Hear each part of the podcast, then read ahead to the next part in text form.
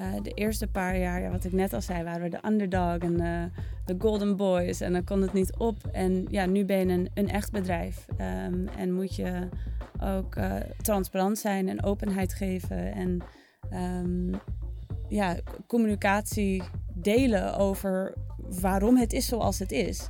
En het is niet altijd een heel makkelijk verhaal. En het is ook niet altijd een heel leuk verhaal. Um, dus dat is uh, ook elke dag leren hoe dat goed aan te pakken.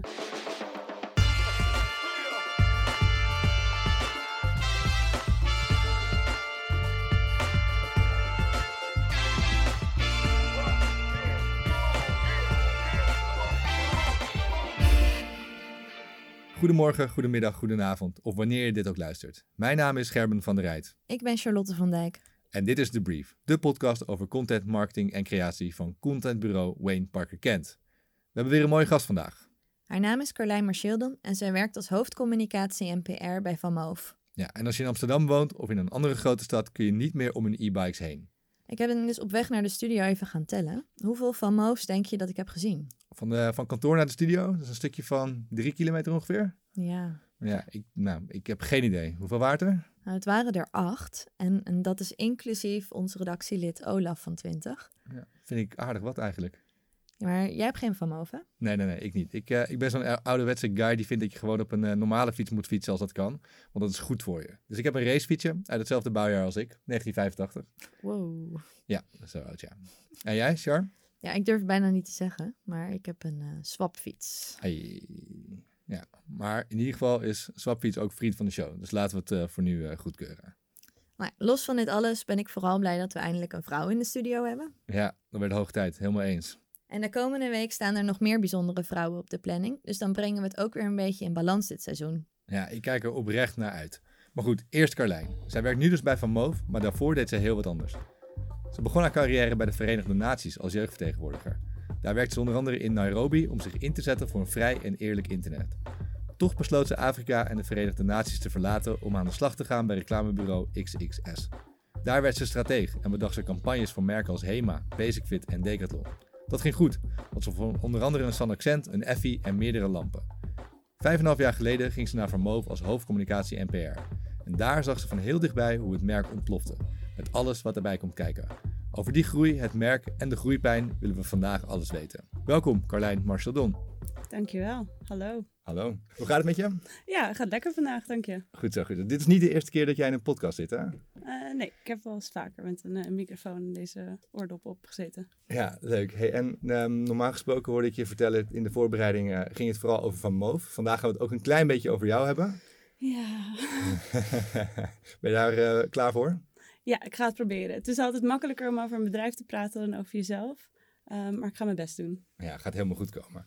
Hey, om jou ook een beetje langzaam te laten wennen aan ons en aan, uh, aan deze show, hebben we altijd een vaste rubriek om mee te openen. Um, die vaste rubriek heet de beste content.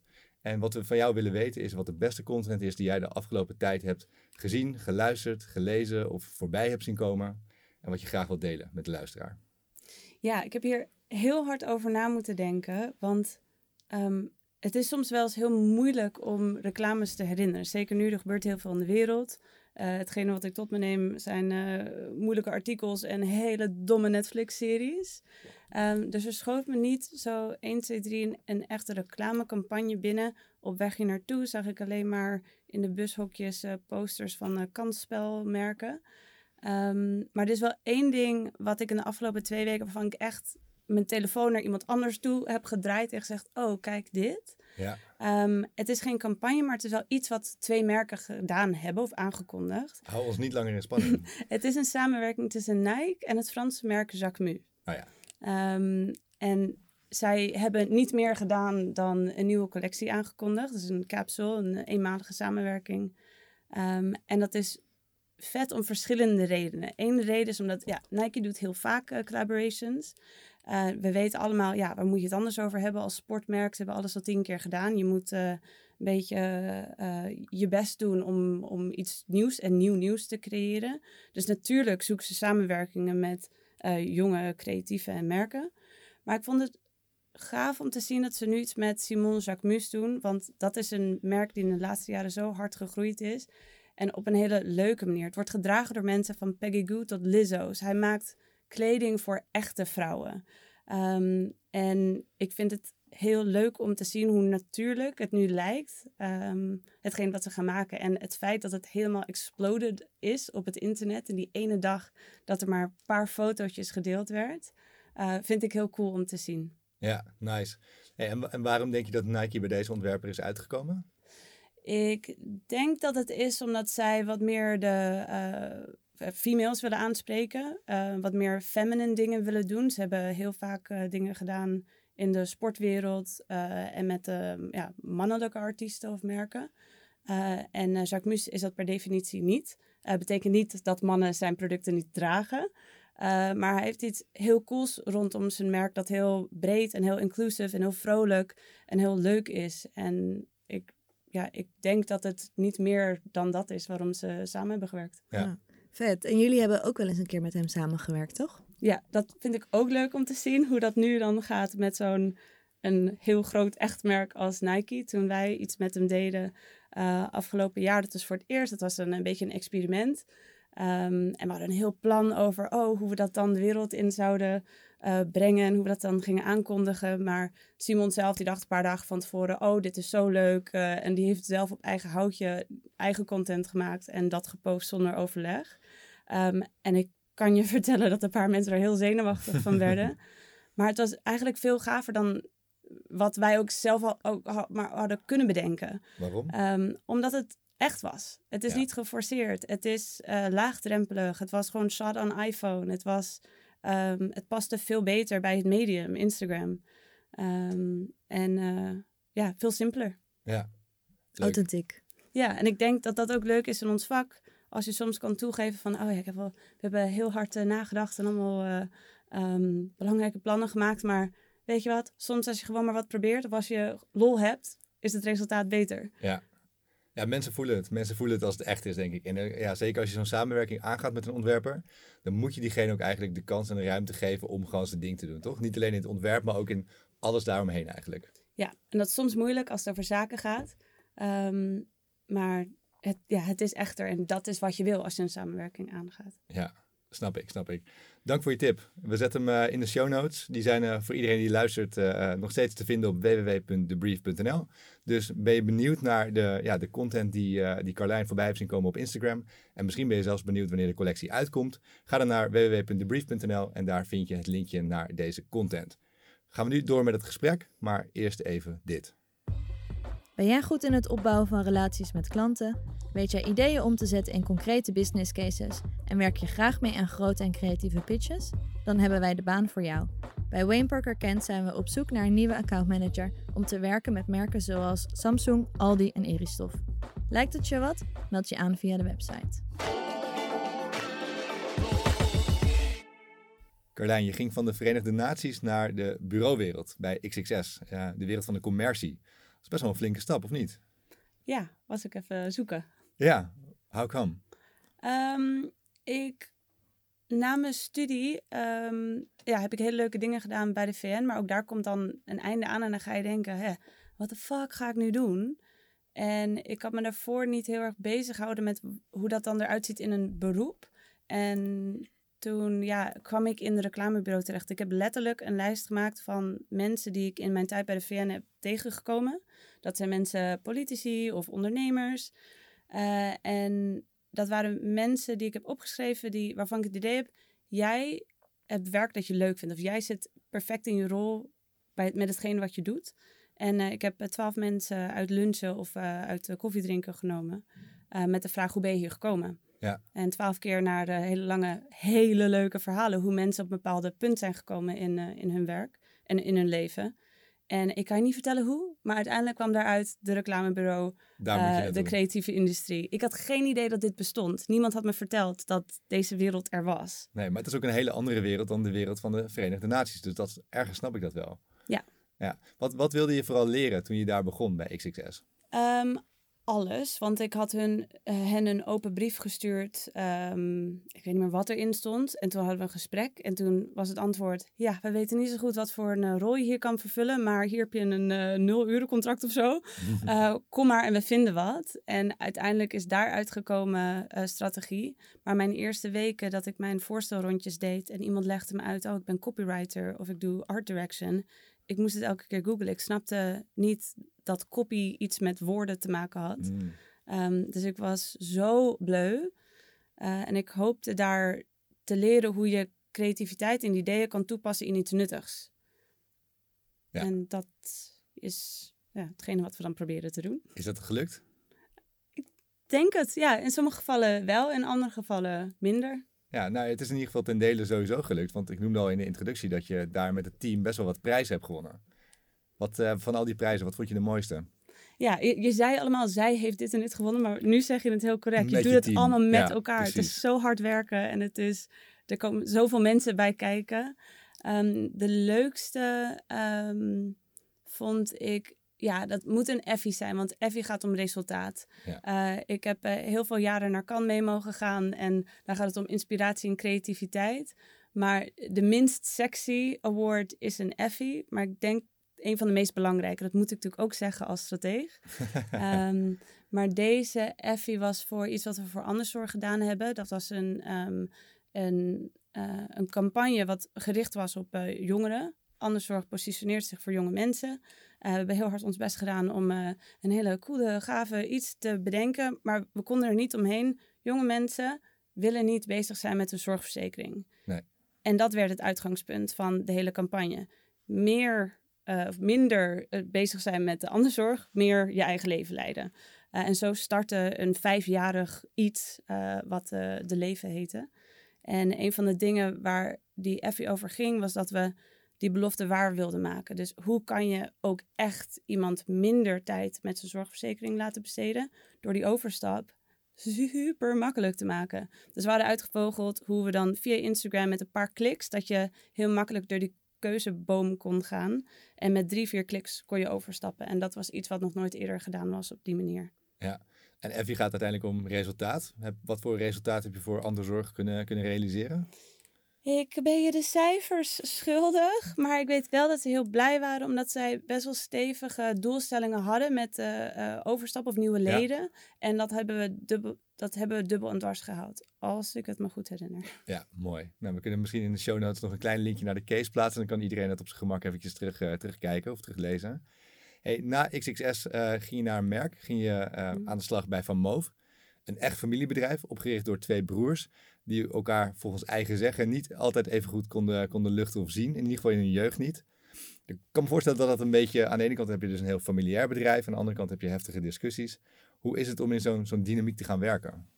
Ehm, ja, heel leuk. Eh, XXS was ook heel um, hecht um, en heel, ja, uh, een heel hecht team. En dat merkte je bij Vermoof ook. Um, ik heb weinig gemerkt van oneenigheid tussen de broers. Op het moment dat ik er kwam, ja, waren ze al wel uh, een aantal jaar met elkaar aan het ondernemen. Um, en ik denk dat ze elkaar heel goed complementeren op deze manier. Ties, die woont en werkt in uh, Taipei, dus die komt soms uh, naar Amsterdam een paar keer per jaar. dus ik heb het meeste dan met taken op de vloer te maken. Um, en het zijn twee ja, echt hele eigenaardige, maar ondernemende gasten. Dus je, je hebt nooit een, een saai gesprek met deze twee. En dat vond ik heel gaaf. Want bij merkzijde zit je er diep in. Ehm, en bij bureauzijde dan zit er vaak een accountmanager tussen, die, uh, tussen jou en, en, die ondernemer. Een soort van schild. Ja. ja. En waar, waarin verschillen ze dan voornamelijk wel van elkaar? Waar, waar komt die, ja, dat verschil vandaan? Ja, Taco is, uh, is heel businessgericht en, en houdt uh, het bedrijf lopende. En Ties is meer de, de dromer en de, de, de, de schetser, de, de creatieve innovator. Um, maar er komen ook heel vaak hele crazy ideeën uit Taco's hoofd. Ja, ze zijn gewoon allebei een eigen mens.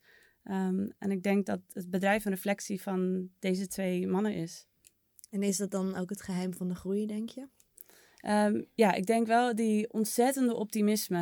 Um, en wat, dit zijn twee Nederlandse broers, maar ze zijn heel on-Nederlands in hun, I don't know, in hun, in hun durf en in hun ambitie en het doorzetten.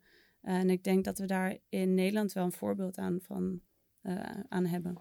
Ja, en nou ja, Van Moof begon natuurlijk met een focus op stadsfietsen. Uh, in 2016 zei Taco nog dat het extreme lange termijnplan is om de grootste te worden met betaalbare en robuuste stadsfietsen. Uh, en toen in 2020 stopten jullie met de verkoop van gewone fietsen. Best een radicale keuze eigenlijk, als je het zo zegt. Um, hoe kwam die keuze tot stand? Ja, um, het klinkt misschien als een radicalere keuze um, als je het zo zegt. Maar vanuit het bedrijf gezien was het de allernatuurlijkste keuze om te maken. Want um, als je kijkt naar Amsterdam, hè, daar zijn de afstanden die we maken vrij klein. Maar elke andere stad buiten Nederland, als je daar de mensen wat vaker op de fiets wil laten gaan, dan moet je een fiets creëren die opgewassen is tegen die afstanden of die uh, um, heuvels. En een gewone fiets, dat gaat hem gewoon niet worden. En dat is wat Taco en Ties heel vroeg zagen. Um, dat als je mensen in Londen of New York of LA op de fiets wil krijgen, dan moeten we kappen met een gewone stadsfiets. Dan moeten we al ingaan op die elektrische fiets. En dat was toen een, ja, een, een hele duidelijke keuze die zij maakten en die we in zijn gegaan. En vanaf toen zie je dus echt die hele grote groei van Vermoof. Ik denk in Nederland dat er een grotere um, shock was.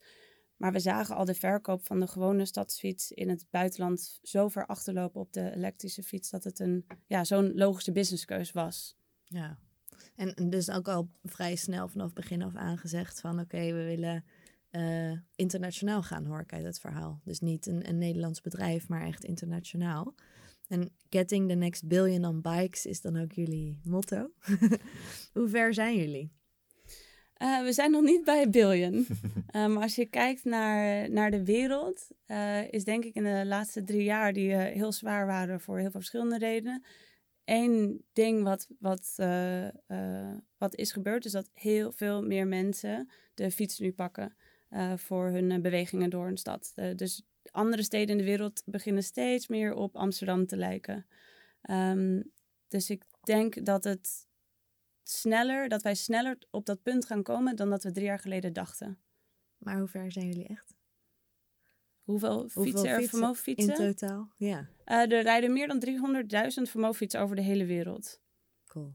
Maar dat is lang niet genoeg. Nee, nog, nee. bijna nog een klein stukje tot de billion. Ja, maar het is, het is, het is een mooie start. Het is een mooie start. Hey, maar als ik dan wel nadenk over die, die radicale keuze voor die e-bike um, en dat motto van getting the next billion on the bike, dan ergens schuurt het ook nog wel een beetje. Want ik kan me ook voorstellen dat er heel veel uh, gebieden zijn ter wereld waar mensen geen e-bike zichzelf kunnen veroorloven.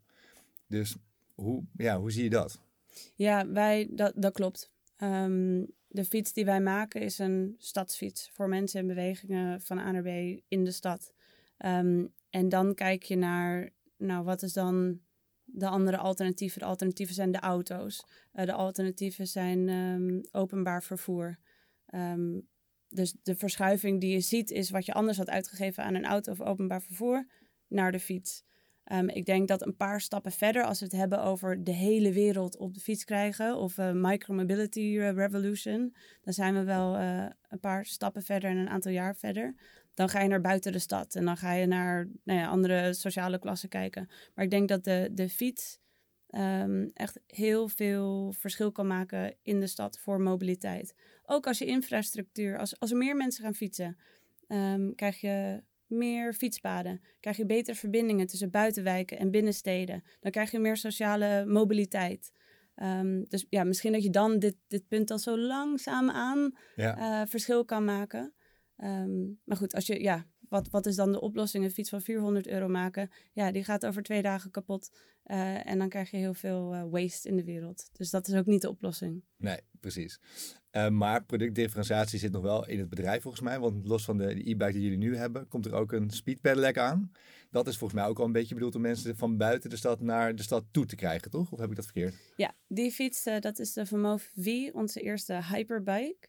Um, die hebben vorig jaar aangekondigd en die is echt gemaakt met de, de VS in het achterhoofd. Want je ziet daar in steden zoals LA, uh, of zoals uh, buitenwijken van New York, ja, daar heb je gewoon hogere snelheid nodig. En dan moet je ook anders voor ontwerpen. Als je op de weg rijdt, um, In Brooklyn is dat heel anders dan hier op de Servati-straat. Je hebt grote gaten, het zijn langere afstanden.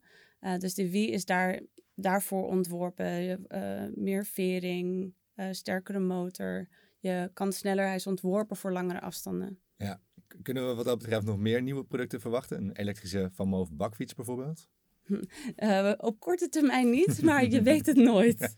ik vroeg het overigens niet voor mijzelf. We hadden een luisteraar die had deze ingezonden. Maar ik was wel benieuwd. Hey, we hebben het er inderdaad ook al over, over het buitenland gehad. Um, welke rol speelt die best wel typisch Nederlandse naam die jullie hebben uh, in het succes in het buitenland?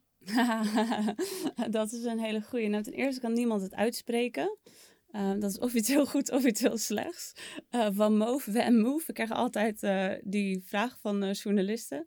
Um, ik, ik weet het niet, want je, je, je weet niet hoe het was gegaan als we niet zo'n zo'n naam hebben. Ik denk wel dat de Nederlandse heritage, wat rondom het merk hangt, dat dat wel helpt. Want Nederlands fietsenmerk, Nederland is fietsland, dat weten mensen wel. Nou, dan, dan is het legit. Ja, net als klokjes uit Zwitserland bijvoorbeeld. Ja, dat zou heel cool zijn als we daar op een gegeven moment als Nederland echt onbekend stonden om de beste fietsen van de wereld. Ja, waar, waar, waar komt de naam eigenlijk vandaan? Um, het is een, een verzinsel van uh, Ties en Taco. Die dachten, we moeten een merknaam hebben. Eerst heette het Move. Mm -hmm. um, de, de allerlangste fans weten dat misschien wel. Er, zijn nog, er bestaan nog een paar fietsen uh, met die naam, uh, M-O-O-F. Dat hebben ze bedacht, want het klinkt als move, movement in het, uh, het is beweging in het Engels. En toen mochten ze die naam niet blijven voeren, want er heette al iets anders zo. Dus ze kregen een brief van een advocaat. Toen hebben ze er maar gauw van voorgeplakt. Ja. Misschien dat het wel in de tijd was dat merken als Van Dutch uh, cool waren, lang geleden. maar ja, sindsdien hebben we het nooit veranderd. Nee, nou, ik kan me ook voorstellen dat juist door van ervoor te zetten, dat je het ook echt nog Nederlandser maakt. Dus misschien ja, was het wel, ik denk zeker. dat het wel een hele bewuste keuze was destijds. Ja, ja. Nee, het, het, was zeker een bewuste keuze, maar nu hebben we een hele lange merknaam. Ja, nou, valt wel mee. Ik moet zeggen, in het buitenland kan het ook wel helpen. Want ik weet bijvoorbeeld in Amerika, ik, ik heet zelf Van Dijk. Um, wordt vaak juist het woordje van geassocieerd met dat je dan heel aristocratisch bent of iets dergelijks. Omdat je daar natuurlijk de Vanderbilts hebt en de, de Vander Woodsons en weet ik veel wat. Ja. Dus het kan ook wel helpen in Amerika om het net een beetje dat, uh, dat stukje extra te geven. Ingebakken kwaliteitskeurmerk. precies, precies. Leuk. Um, in het FD werd genoemd een paar uh, maanden geleden dat Van Moof op zoek was naar een, uh, een, nieuwe ervaren manager. Een president die de Amsterdammers kan begeleiden naar een succesvolle beursgang de komende drie tot vijf jaar. Nou, nu zagen we net vers van de pers voorbij komen dat dat dus in ieder geval is gelukt. En hebben jullie de nieuwe CEO aangetrokken in Gillian Tans, de oud-CEO van Booking.com. Wat wordt haar grootste uitdaging de komende jaren? Ja, Gillian is net begonnen als president van Vermoof. Dus de allereerste keer dat we iemand in deze rol hebben. Um, ja, ze is net begonnen, dus het is een beetje uitvogelen en nog zoeken. Ja, en wat, wat, wordt, wat wordt haar grootste uitdaging, haar taak? Waar gaat ze aan beginnen? De eerste focus is de, de dagelijkse leiding over het bedrijf. Um, en dan zodra we de, het grote eerste ding waar ze zich aan vastbijten, in vast gaat bijten hebben, dan gaan we dat heel graag met de wereld delen. Ja. En waar, waarom is Gillian Tans de, juiste persoon, denk je, daarvoor? Ik vind het heel cool dat zij erbij is gekomen. Zij is zo'n sterke vrouw. Als je gezien hebt wat zij allemaal bij Booking.com gedaan heeft. Uh, ik ben extra trots dat het een vrouw is in tech.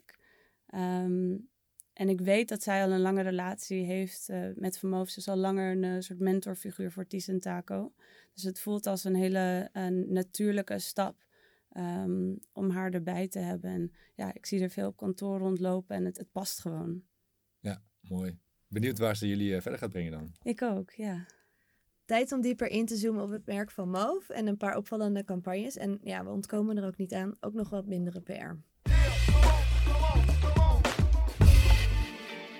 Als je drie woorden zou mogen gebruiken om het merk van Move te omschrijven, welke drie zouden dat zijn? Wauw, leuk. Um, stad, uh, beweging, um, meer. Meer. Leg meer eens uit. Ja, ik heb hier de laatste tijd heel veel over nagedacht van wat, wat maakt het nou zo leuk om te fietsen? Ik kon uh, een paar weken geleden voor Vermoof uh, in New York zijn. Uh, en je maakt meer mee. Op de fiets. Ja, als ik eh, in een andere stad ben en ik fiets op een vermoof, dan voelt het alsof ik een local ben. Dan ben ik totaal aan het doen alsof. En dan denk ik ook dat andere mensen denken dat ik een local ben. Ehm, en je, je ziet meer, je beleeft meer. Dat vind ik het leukst. Ja, het is ook leuk om snel te gaan. Ja, het is ook leuk dat je niet ergens op hoeft te wachten. eh, en dat je op je eigen tijd kan bepalen wanneer je aankomt en al die marketing praat. Maar ik vind het gewoon vet dat je meer kan doen. Ja, maar dat is inderdaad dat is niet wat jullie in de marketingpraat vooral vertellen aan de wereld. Nee, nog niet. Nog niet. Gaat dat komen? Gaat, gaat er een, gaan we een switch zien? Wie weet. Ik denk wel dat we als merk, kijk, we zijn nog een heel ehm, eh, jong bedrijf, een jong merk. En we hebben, we bestaan 13 jaar en we hebben daarvan 12,5 jaar totaal obsessed geweest met het product. En relatief weinig eh, over branding en merk bla bla gehad. Ehm, nee, je moet eerst gewoon zorgen dat het product goed in orde is. En ehm, ja, ik denk dat we nu een nieuwe fase in kunnen gaan. Waar, waarin je wat, wat meer stil gaat staan over hey, hoe bouw je dit merk? Waar, wat maakt het merk nou anders? En wat jullie ondertussen wel aardig goed gelukt is, is dat jullie een eigen nieuwe categorie geopend hebben. Namelijk die van de mooi ontworpen e-bike. Hoe, eh, hoe hebben jullie dat voor elkaar gekregen? Ja, Taco die zegt vaak, dit is de enige trend die bij de oudjes is begonnen en overgeslagen is op eh, de jonge mensen. Ehm, ja, hoe we dat gedaan hebben, ik denk gewoon door een hele goede fiets te maken. Ehm, het is nooit de bedoeling geweest om een fancy luxury designer iets te maken. Het was gewoon, nee, dit moet gewoon een hufterproof product zijn. Eh, alle opsmuk moet eraf. Ehm het moet goed werken en daardoor eh, hebben wij een heel groot R&D-team die elk boutje, elk detail, elke chip eh, zelf maakt en ontwerpt en programmeert. En dan krijg je deze fiets. Ehm, en dan krijg je iets wat ehm, heel makkelijk te bedienen is en heel lekker voelt om te gebruiken. En dan wordt het iets wat aanstaat. Maar waren jullie, was dat mooie design? Want dat was natuurlijk, dat was van, vanaf het begin af aan al. Aan de andere kant zag je op die, ja, in die tijd wel heel veel e-bikes, maar die hadden niet zo'n mooi design. Ja. Die twee werelden samenbrengen, dat was wel echt een bewuste strategie. Ehm, de enige strategie was functioneel design. Maak iets goeds. Ehm, andere fietsen zien er zo uit omdat ze samengesteld zijn door al bestaande onderdelen. Eh, dus een motor die ergens gemaakt wordt, een frame die ergens anders, een stuur die weer ergens anders is eh, ingekocht. En dat samen maakt dan een, Een fiets. een standaard fiets. Ehm, en bij ons, ja, wij kunnen elke, eh, elk onderdeeltje, ook de, de zadel, de handvatten, de, de, de rem, calipers, alles zelf ontwerpen. Zodat het als één eruit ziet en dus ook als één werkt. En tegelijkertijd komt daar dan ook ge- eh, je eigen positionering min of meer uit voort. Eh, is dat dan iets wat jullie op een gegeven moment van binnenuit bepalen? Of eh, hebben jullie de hulp ingeroepen van bureaus om daar, daarbij te kijken van... hey, dit is nu het product, we gaan een bepaalde kant op. Je maakt een radicale keuze om gewoon gewone fietsen eh, ja, vaarwel te zeggen. Eh, hoe, hoe pak je dat qua positionering vervolgens aan? Ja, alles zelf. Alles zelf. Ja, zo ben ik ook bij Vermoof gekomen met eh, een belletje. hey, eh, ja, we willen meer doen, eh, marketing, brand, PR, maar dat gaan we zelf doen. Ehm, alles van het ontwerp tot de productie, tot de verkoop, alles doen we zelf in huis. Ehm, ja, dus ook dit. En daarom duurt het misschien ook heel lang. Ja, maar echt alles qua branding, qua campagnes. Jullie hebben het helemaal in het eigen team bedacht. Eh, ja, en wij werken met partners. We werken met eh, regisseurs en productiehuizen. Ehm, maar de, de messaging, de marketing strategy, alles komt vanuit ons. Knap, wel. Heb, je- heb je een groot team waar je dat mee doet? Ehm, ja, wat is groot? Van Move is 800 personen. En ik denk dat we met marketing met z'n 30 zijn. En daarvan is merendeel een growth team. Dus de media-inkoop, ehm, eh, ja, growth strategie. Eh, en dan hebben we nog een, eh, een aantal hele leuke, creatieve ehm, en andere slimme breinen rondlopen. Leuk. En daarnaast komen er natuurlijk nu langzamerhand ook wat meer concurrenten de hoek om kijken. Bijvoorbeeld eh, de cowboy zien we ook op straat verschijnen. Hoe blijven jullie je onderscheiden ten opzichte van deze andere e-bikes? Ja, ik denk dat het een heel goed teken is dat er andere merken zijn die ehm, eh, hetzelfde of in deze space komen. Want dat betekent dat er heel veel vraag naar is. Uh, als er niemand kwam, dan, dan is het een, ja, een, een markt die doodgaat. Um, dus ja, tot nu toe is het uh, alleen maar hoera. Dat je ziet dat er steeds meer merken opkomen die hetzelfde proberen te doen. Um, en ik denk dat wij ons um, kunnen onderscheiden omdat we al ja, tien jaar voorlopen. en dat we ergens voor staan als merk. We hebben al zo lang een community van rijders. En zijn een beetje aan het uitvogelen hoe we ons verhouden tot de steden in de wereld en hoe we daar waardevol kunnen zijn. Um, ja, dus ik, ik, ik denk dat dat, uh, dat dat onze toekomst wordt. Een campagne die we met je willen bespreken um, is minder een merkcampagne, maar zit meer uh, op de één feature eigenlijk van het product, namelijk de, de, ja, de diefstalpreventie. Uh, dat is een commercial die ook flink bekeken is op YouTube. En volgens mij, ik weet niet of die op tv ook is uitgezonden, maar in ieder geval aardig wat in de creatieve wereld aardig wat uh, uh, ja, stof heeft doen opwaaien. Op een positieve manier. Wij hebben op, op maandag bij ons op kantoor hebben we altijd een soort van maandag, maandagse weekstart. Waarin iemand zijn creative shot of the week deed, deelt. En deze zat daarin. We zien een stop-motion verhaaltje waarin een, meerdere dieven proberen om een, om een vermogen te stelen. En zo proberen jullie te vertellen dat dat onmogelijk is. Hoe, jullie, hoe zijn jullie op het idee gekomen om dat op deze manier te vertellen? ja, dit is mijn absolute favoriet van al mijn tijd bij Vermogen. Want ik ben uh, gefascineerd met kleine miniatuur dingetjes. Dit was jouw idee? Nee, ik, oh. I wish. I wish. Nee, dit, eh, dit komt van onze creatieve. De brief was van ons growth team. Um, hey, mensen slaan aan op anti-diefstal feature van de fiets. Um, en dan, ja, dan kan je een campagne voeren om uit te leggen dat we een kicklock hebben en een uh, alarm en um, al die tech. Weet je, het kon heel techy ja. worden. Uh, maar de uitdaging was, hoe kun je dit vertellen op een niet-techy manier? En op een manier dat misschien ook als die alarms je niet boeien, dat je wel blijft kijken. Um, en ja, de briljante creatieve breinen kwamen toen met dit concept. En we hebben met een heel gaaf bureau gewerkt. En de mensen die op um, uh, met Wes Anderson hebben gewerkt uh, op zijn films. Puur enthousiasme en geluk. Een mega gave creatieve partner. En ja, dit, die hebben dit meesterwerkje gemaakt met de allerleukste poppetjes. Ja, ja, ja. Dit zijn hele leuke poppetjes inderdaad. En ook een heel duidelijk verhaal en een duidelijke boodschap. Hoe, wat heeft het voor het merk gedaan of wat heeft het voor de fietsen gedaan? Uh, ja, nou, het heeft de boodschap overgebracht. Uh, want het knopje die we ontdekt hadden, dat hey, vertel meer over die anti-diefstal feature. Uh, dat heeft het ook waargemaakt. Dus um, uh, we meten uh, heel veel dingen. Een van de dingen is gewoon branded interest in de plekken waar je het uitzendt. dat was omhoog gegaan in de periode. Um, en ook click-throughs op deze feature, leer meer van de fiets en uiteindelijk ja, verkoop van de fiets. Ja, mooi. Wat, wat meten jullie nog meer? Ik hoor je nu twee dingen noemen. Ja, we, meten de, de standaard dingen, zoals uh, hey, wat geef je uit en wat krijg je ervoor terug.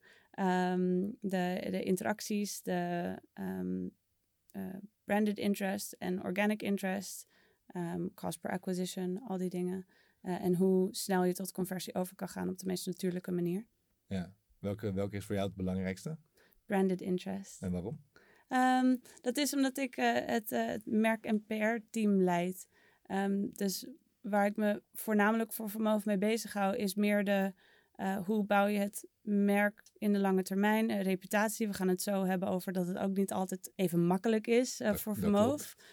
de tijd van de underdogs zijn, dat is wel voorbij. We zijn nu een gevestigde speler met Sitting alle problemen die daarbij komen kijken. Um, dus het is ja, reputatie, merk. Wat, wat denken mensen van het merk? Wat vinden mensen? wanneer zoeken ze ons op? Ja. En, en, zie je daar dan nog steeds wel een, een stijgende lijn in, zeg maar, in het branded? Uh, ja, ja, zeker. Ja, we hebben, zo, we hebben zoveel nog te groeien. We zijn zo'n mini-speler op de wereldmarkt. Uh, de hele e-bike-markt is heel uh, gefragmenteerd, heel, heel veel lokale spelers. Um, ja, en we hebben nog zoveel te halen. Ja, en om al die doelstellingen te behalen, zien we dus aan de ene kant uh, de commercial die, uh, die uh, Charnet met je deelt. een soort van wereldwijde merkcampagne. je ziet aan de andere kant zie je dus werk wat productfeatures uitlicht, USP's naar voren brengt. Zijn dat ook jullie belangrijkste pijlers overal dan? op dit moment wel, ja. Um, ja, dus het, het merk en merkbekendheid. en weten dat mensen, dat mensen weten dat we bestaan en dat we een e-bike maken voor de stad heel, ja, zo simpel als dat. Ja. Ehm, en eh, de andere is op, op de features. Dus de, de twee of drie belangrijkste features van de fiets. En, en zie je daar dan ook nog verschil in, in qua marketingstrategie voor verschillende landen? Dus dat je bijvoorbeeld, kijk, Nederland hoef je niet te overtuigen om op een fiets te stappen, want dat, dat doen we allemaal al. Je zou ze alleen moeten overtuigen om elektrisch te gaan. Maar als je kijkt naar Amerika, daar maak je echt een totaal verschil tussen ofwel openbaar vervoer en de auto naar de fiets toe. Ehm, maar dan heb je daarna nog allemaal andere landen die je bedient. Ja. Dus hoe pak je dat aan? Zitten daar verschillende strategieën in per Ja. land? Of is er één grote global rollout en dan ga je testen hoe dat werkt? Ja, we zijn één merk. ehm, maar de aanpak, die, voor bijvoorbeeld een, een belangrijke markt voor ons Duitsland versus de VS, is dan weer heel anders. En daar zijn we nog heel erg eh, eh, naar aan het zoeken. Dus heel veel experimenten. Je weet in de VS, ja, de, de fiets ga je niet kopen om. ehm, ehm, eh, in, in, in, de, VS weet je dat je veel mensen die die fiets kopen misschien als tweede auto. Dus niet als vervanger van of eh, als hoofdvervoermiddel om op je werk te komen. Eh, maar meer het vervoermiddel dat je, dat je in het weekend kiest om naar vrienden te gaan. Dat is weer heel anders dan in Nederland. En in Duitsland gaat het meer over wat is het meest degelijke product en waar en hoe worden de onderdelen gemaakt. Oh ja, dat is wel interessant te weten. Want dan kijk je dus echt meer per, per land van wat zijn daar de, de hoofdkeyspelers. En dan ga je daar ook dus helemaal je communicatie op aanpassen. Ja, Dus dan ja. kan ik me voorstellen dat zo'n feature campagne meer gedraaid wordt in Duitsland. En dat je in Amerika bijvoorbeeld meer op die emotionele Ja. features zit. Ja, en nogmaals, daar is dat, dat is geen exacte wetenschap. Dat proberen we allemaal een beetje, soms met kleine eh, aanpassingen op de website. Eh, en eh, soms ja, kun je het gewoon niet en dan doe je gewoon één grote global brei. Ehm, maar ja, je kan steeds slimmer worden en steeds specifieker worden in wat je zegt en hoe. En wat is aan jullie grootst groeiende markt? Is dat in Azië? Is dat Amerika? Is dat... Dat is Duitsland en de VS, daar Dat groeien we nu het hardst. Ja. Ja. cool om te zien. Ja. Nou, dan moeten we het toch nog ook even hebben over de slechte PR. de laatste tijd komen natuurlijk steeds meer klachten naar voren van gebruikers. En dat het niet goed be- bereikbaar zou zijn. Of dat er lange levertijden zijn. Dat de, de fiets snel kapot gaat. Vooral in de software dan. Dus zo robuust is het materiaal wel, maar de software wat minder. Ehm, moeten en kunnen jullie veranderen van een productgeoriënteerd bedrijf naar een meer klantgeoriënteerd bedrijf? Ja, dat moet. Ja, zeker. Eh, in Nederland eh, hebben we heel veel rijders. En hebben we in de afgelopen eh, jaar hebben we gezien dat heel veel rijders ook ja, niet altijd goed kunnen servicen en mensen teleurstellen. Ehm, dat is in het buitenland gelukkig veel minder. Daar hebben we nog grotere voorraden. Daar hebben we eh, betere bezetting qua teams. Ik was vorige week bij eh, een team op bezoek in Hamburg. En daar krijg je binnen twee dagen een afspraak. En dan is binnen één dag je fiets gemaakt en terug. En daar is alles zoals het moet zijn. En het doet heel veel pijn te zien dat we dat in Nederland nog niet op orde hebben. Juist het land waar we begonnen zijn en waar we de meeste liefde van fans hebben, dat, dat hier juist de meeste pijnpunten zijn. En dat is allemaal een numbers game. Ja. Dat is omdat we hier zoveel rijders hebben. Ehm, en ja, er is gewoon nog heel veel werk aan de winkel. Ja. En waar ligt dat dan precies aan? Want is dus inderdaad de- hoeveelheid Nederlanders die er dan zijn ten opzichte van de andere markten. Of is dat ook puur omdat er minder groei in zit? Of... Eh, dat heeft met volume te maken. Eh, op het moment dat je eh, nou ja, hier, hier in Nederland, ik weet niet hoeveel duizenden rijders hebt. Ja, als je een, eh, een wachtrij hebt van tien mensen, maar in, in eh, Berlijn bijvoorbeeld, maar in Amsterdam is ja, dat tien keer groter. Dus dan heb je een wachtrij van honderd mensen. Eh, maar we hebben niet altijd dat team wat tien keer groter is. Ehm, en daar is een, eh, eh, een veel te groot verschil geweest in het opschalen van ehm, de sales, wat allemaal in de afgelopen twee, drie jaar ja, een hele mooie verkoop gehad en eh, briljante groei gezien. Maar we hebben het team niet met die snelheid kunnen opschalen. En dan in een markt als Nederland, waar we zoveel rijders hebben, eh, is het, hebben we gewoon ook niet goed genoeg eh, personeel gehad. En ook goed genoeg de systemen die deze eh, grote sprong aan kunnen. Maar dat zijn groeipijnen die we weten en die we heel serieus nemen. En heel, heel, heel veel elke dag en elke week verbeteringen aan toevoegen. Ja. Ja, want ik mijn team kan ik me voorstellen. Maar voorraden zou natuurlijk iets kunnen zijn wat al wel makkelijker te behappen zou zijn? Ja, dat dacht ik ook. Ik heb heel vaak heb ik uh, mijn collega's bij operations uh, opgebeld en gezegd: ja, hoe moeilijk kan het zijn? Waarom is dit nog niet op orde? Um, maar dan uh, ja, sturen zij een nieuwsartikel door van de Global Supply Chain Global Supply Chain Crisis. En dan zeggen ze: ja, klein, we doen ons best. Er zijn gewoon geen onderdelen op dit moment. Of er is heel veel onduidelijkheid. En nu zit Taipei bijvoorbeeld weer in lockdown. Um, en dan hadden we ook nog het ongeluk dat onze fietsen op die uh, Evergiven zaten. Mm. Weet je, we waren er bijna, we hadden bijna al dat, uh, die backlog ingehaald. Ja, had je dat. Um, maar het is ook een onderdeel van um, ja, een, een scale-up die dat soort hele onhandige, hele nare uh, groeispurten meemaakt. En ja, net als wij als puber, dat opeens uh, had je hele lange ledematen en dan uh, maak je dingen kapot. Um, maar ja, het, ziet er naar uit alsof we uh, bijna daar zijn dat we dit achter ons kunnen laten. Dat uh, uh, als je nu belt, onze customer service is weer bijna op volle kracht. Um, je bent veel sneller geholpen. We hebben niet meer een backlog met e-mails zoals we een tijdje wel gehad hebben. Je krijgt ons gewoon te pakken en van ons te horen. We kunnen nog niet altijd zeggen wanneer een onderdeel precies wel op voorraad is. Want ja, dat ligt in sommige gevallen niet altijd um, uh, in onze macht. Maar in de meeste gevallen kunnen we wel bijna weer uh, ja, gewoon elke fiets goed servicen en snel iemand helpen. Ja. En wat bet betekent dat dan voor jouw rol als hoofd PR? Ik kan me voorstellen dat uh, dat in de afgelopen jaren dan misschien toch echt veranderd is. Ja, zeker. Ja, want de, uh, de eerste paar jaar, ja, wat ik net al zei, waren we de underdog en de golden boys. En dan kon het niet op. En ja, nu ben je een, een echt bedrijf. Um, en moet je ook uh, transparant zijn en openheid geven en um, ja, communicatie delen over waarom het is zoals het is. En het is niet altijd een heel makkelijk verhaal. En het is ook niet altijd een heel leuk verhaal. Um, dus dat is uh, ook elke dag leren hoe dat goed aan te pakken. Um, en ook leren wat, wat hebben rijders nodig. ja, dat is groeien. Ja, en waar zit dan voor jou de uitdaging daarin? Ik denk dat de uitdaging zit. Er zijn heel veel modellen van um, bedrijven die zeggen: zeg maar niks. Of uh, reageer maar niet. Um, dat is een hele ouderwetse, traditionele manier van je gedragen als bedrijf. En dat werkt niet. Daar geloof ik niet in. Dus het alternatief daarop, um, dat uitvogelen, hoe dat er dan uitziet. Hoe kan je als bedrijf heel hard groeien, maar nog wel heel menselijk zijn en echt communiceren en niet bullshitten en niet om de brei heen praten. Dat is veel makkelijker gezegd dan gedaan. Um, dus dat uitvogelen, ook samen met klanten, samen met rijders, samen met community, lezen hoe dingen overkomen, wat mensen meer nodig hebben, hoe, waar de pijn echt zit. En daar echt naar kijken, dat is soms hartstikke eng en ook heel moeilijk en ook heel frustrerend. Um, maar ja, dat, dat is wel waar het nu om gaat. Doen, doen jullie dat al genoeg, denk je? Dit uitleggen wat er nu aan de hand is? Uh, ik denk nooit dat het genoeg is, want het is zo complex soms. Um, nee. Nee. Hoe, hoe zou je dat kunnen veranderen? Altijd je best blijven doen. We can always do better. Het is, um, het is niet één.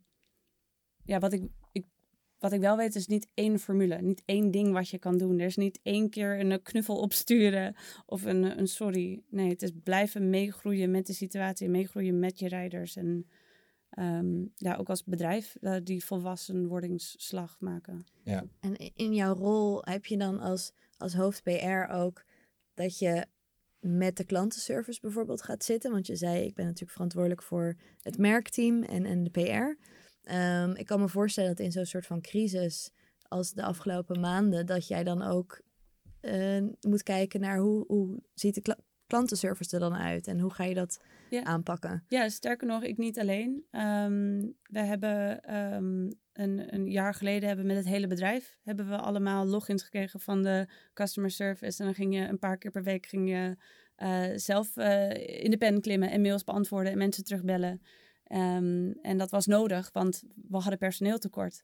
En we hadden een gigantisch grote backlog. Maar daardoor, weet je, word je wel heel goed met je neus op de feiten gedrukt. En, en leer je waar het echt om gaat en wat er echt aan de hand is.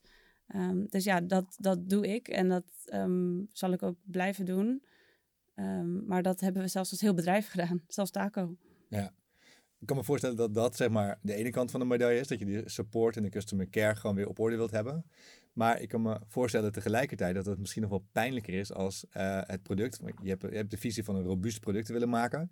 En dat dan je product niet meer zo robuust is. Of in ieder geval ook gebreken blijkt te hebben. Ja, ja dat, dat is ook uh, uh, kut. Maar dan wordt mij herinnerd om, um, als je één stapje achteruit doet, elk bedrijf of merk dat een nieuw iets maakt, maakt dit mee. Um, en je wil dat zo klein, dus zoveel mogelijk beperken. Maar dat is precies hetzelfde wat een Tesla meemaakt. Dat is precies hetzelfde wat een Sonos meemaakt. Um, dat is ook wat wij meemaken, want we zijn het wiel opnieuw aan het uitvinden. We maken technologie die nog niet bestaat. Um, we maken, on ontwerpen en testen alles zelf. En dat, um, dat is een, een hele steile leercurve. Maar dat zullen we altijd blijven doen met dat in gedachten. We, maken, we proberen hier het aller, allerbeste te creëren. En ja, dat, dat, dat is iets wat er nog niet is. Ja. En kijk je dan ook naar de merken die je net noemt om te kijken en te leren wat je, hoe je dat aan kan pakken? Um, ja, en ook te leren van de fouten. Dus hoe sommige merken uh, misschien uh, flater slaan of hoe ze uh, vertrouwen hebben verloren wat je nooit meer terug kan krijgen. Ja. En maar ik kijk, niet, ik kijk niet alleen maar naar die merken. Je kijkt ook naar merken zoals een Coolblue, die een ster zijn in um, uh, uh, klantbeleving en hoe ze, hoe ze uh, fuck-ups goed maken. Ja. ja. Hey, en tegelijkertijd zien we nog wel heel veel campagnes voorbij komen. wat natuurlijk aan de ene kant zorgt voor enorm veel orders waarschijnlijk. En te zorgen dat het ook gewoon mensen de van blijven bestellen. Heb je er ooit over nagedacht om dat misschien te stoppen? Om te kijken van nou eerst die backend en die support onder, op, uh, onder controle krijgen. En dan pas weer aan de voorkant uh, het product gaan verkopen. Ja, het, het is niet een, um, een, een of-of. Je moet allebei doen. Uh, als merk moet je blijven groeien. En nogmaals, deze problemen hebben we uh, nu in Nederland en zijn we gelukkig bijna doorheen. Maar dat zie je niet in een Duitsland, dat zie je niet in een VS. Um, dus het zou denk ik heel klein gedacht zijn om te zeggen: Oh, ho, stop, we stoppen alles. Uh, nou, in, en we in gaan Nederland nu... in ieder geval. Je kan lokaal ja, campagnes En we gaan nu focussen op één ding. Ik denk dat je moet blijven groeien, moet blijven um, verbeteren. En ondertussen, ja, daar waar je heel hard op moet investeren, dat, dat ook met volle focus doen. En gelukkig zijn we een bedrijf wat uh, vijf disciplines in één is. Het is en ontwerp, het is uh, en operations, het is en retail, het is ook marketing. Um, en ja, ik denk dat al die verticals moeten blijven doen wat ze doen en ook blijven ontwikkelen. Want als je ergens stopt, dan stagneer je. Dus ik denk dat je moet blijven voeden. Uh, en ook gewoon heel real moet blijven en zeggen: hey, oké, in deze markt um, moet, is het, uh, zijn we er nog niet. En is het aanpoten en dat serieus nemen en dat ook erkennen en dat durven zeggen. Ja, dus eigenlijk als ik jou zo goed hoor, moeten wij in Nederland gewoon een klein beetje het leergeld betalen voor ja, het succes van Van Moof. Uh, maar zien jullie het vooral ook wel als iets wat bij, ja, bij het groeien hoort en bij, de, bij het ja, opbouwen van een merk en een bedrijf hoort? Ja, ik denk dat wij als Vermoof heel, heel hard dat, dat leergeld uh, betalen. En dat zo snel mogelijk en zo goed mogelijk uh, proberen goed te maken met onze rijders. Ja. Mooi. Dan zijn we al eigenlijk bij het einde van de podcast. Um, dan hebben we eigenlijk nog altijd twee afsluitende vragen. Als je terugkijkt op je carrière als hoofd PR en communicatie, wat zou je anders hebben gedaan? Hmm, ik denk dat ik um, vaker stiltes zou willen laten vallen. En ik denk harder zeggen als ik het niet weet. Of als je even moet nadenken over, over iets. Ik denk dat je, of mijn ervaring in zo'n scale-up als dit is, het gaat allemaal heel snel en ik, ik denk ook heel snel en je wil heel graag snel vooruit met elkaar. Um, maar dan is het, dan moet je, soms kan je het snelste tot een betere oplossing komen als je even een, even een pauze uh, inlast. Of als je, als je durft te zeggen, oh, ik weet het niet. Um, ja. Is daar dan wel ruimte voor bij een Van Moof? Ja, je maakt er ruimte voor. Die ruimte die, die eis je gewoon op? Ik, ja, ik denk, ik denk dat we dat allemaal moeten doen, toch? Ja. In dit soort gevallen. Ja. Ja, ik kan me ook voorstellen dat het niet, uh, of dat er een bepaalde cultuur heerst wellicht in zo'n bedrijf. Dat je, daar, dat je niet de ruimte voelt om dat, die stilte te laten vallen of te zeggen dat je het niet weet. Nee, ik denk dat ik nergens zo, dat ik nergens meer ruimte heb gevoeld als dat ik bij Van voel. Okay. Um, dat is echt heel bijzonder aan deze plek. Dat het uh, probeer maar, doe maar, eh, vind maar uit. Dat, wat ik merkte toen ik hier kwam, was dat heel veel mensen durfden toe te geven, oh, ik weet het ook niet, doe maar wat. Ehm, en dat is heel gaaf, want dan voelt het veilig om fouten te maken. Ehm, Ik vind er ook altijd wel heel erg een kracht in zitten als je kan zeggen van ik weet het even niet. Een soort van een kwetsbaarheid die ook uitnodigt om anderen mee te laten denken. Ik denk dat er best wel veel meer, dat het echt wel underrated is in hoeveel kracht er zit van in, in alleen al het zinnetje ik weet het even niet. Ja. Dus ik vind het mooi dat je dat zegt. ja, ik wou dat ik meer durfde te zeggen, want je bent snel geïntimideerd toch door een situatie of dat je denkt, oh mensen kijken naar mij, ik moet dat zeggen nu, of ik heb Ik een moet het oplossing weten. nodig. Ja. Ja. Hoe gaaf zou het zijn als we dat, als Ja. we zo makkelijk dat zouden zeggen als, oh ja, hoe gaat het? Ja, goed. Ja, dat het zo makkelijk over eh, je lippen komt als, ik weet het even niet. Ja. Wat denk jij? We hadden laatst Kees de Koning te gasten eh, in deze podcast. En ik denk dat dat van alle gasten die we hebben gehad, dat Kees de, de, de eerste was die heel vaak zei, ik weet het niet. En dan denk ik van ja, als iemand heel veel dingen zou moeten weten, dan is het misschien wel Kees de Koning. Maar die was hier heel eerlijk over, dus dat wa- was heel mooi. Gaaf. Ik wil meer Kees de Koning zijn dan. Ja. Dat is mijn antwoord. Dat is een goed motto.